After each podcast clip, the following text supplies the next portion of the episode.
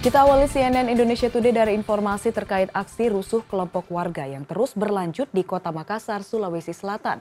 Ratusan pelaku rusuh menutup jalan raya di Jalan Andi Pangeran Petarani, Makassar pada Sabtu dini hari. Mereka bahkan merusak sebuah mobil patroli milik Polres Goa yang tengah melintas. Beginilah video amatir warga saat kelompok perusuh menutup seluruh ruas Jalan Andi Pangeran Petarani Makassar, Sulawesi Selatan dan menyerang sebuah mobil patroli milik Polres Kabupaten Goa yang melintas di sekitar lokasi. Para pelaku diketahui merusak mobil patroli ini dengan menggunakan batu dan balok kayu.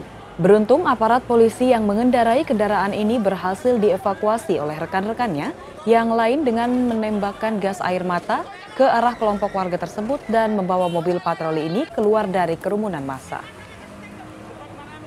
Dia dari arah Urip ke Goa tapi tidak tahu ada bilang ada demo. Jadi yang paling belakang terjebak sama massa jadi dihancur. Nah, terus sempat putar balik. oh sem- eh, dia- itu mobilnya di sempat dihambur pakai apa? Pak? Pakai batu. Batu di Iya, sama balok. Ada balok. ada selain batu apa lagi dia bawa itu? Balok. Balok di. Iya. Terus itu ah, yang di dalam mobil bagaimana? Eh, Bapak itu polisi katanya kena sininya. Oh sempat kena. Iya, kena. Ba- Baru ada temannya yang lain datang atau bagaimana?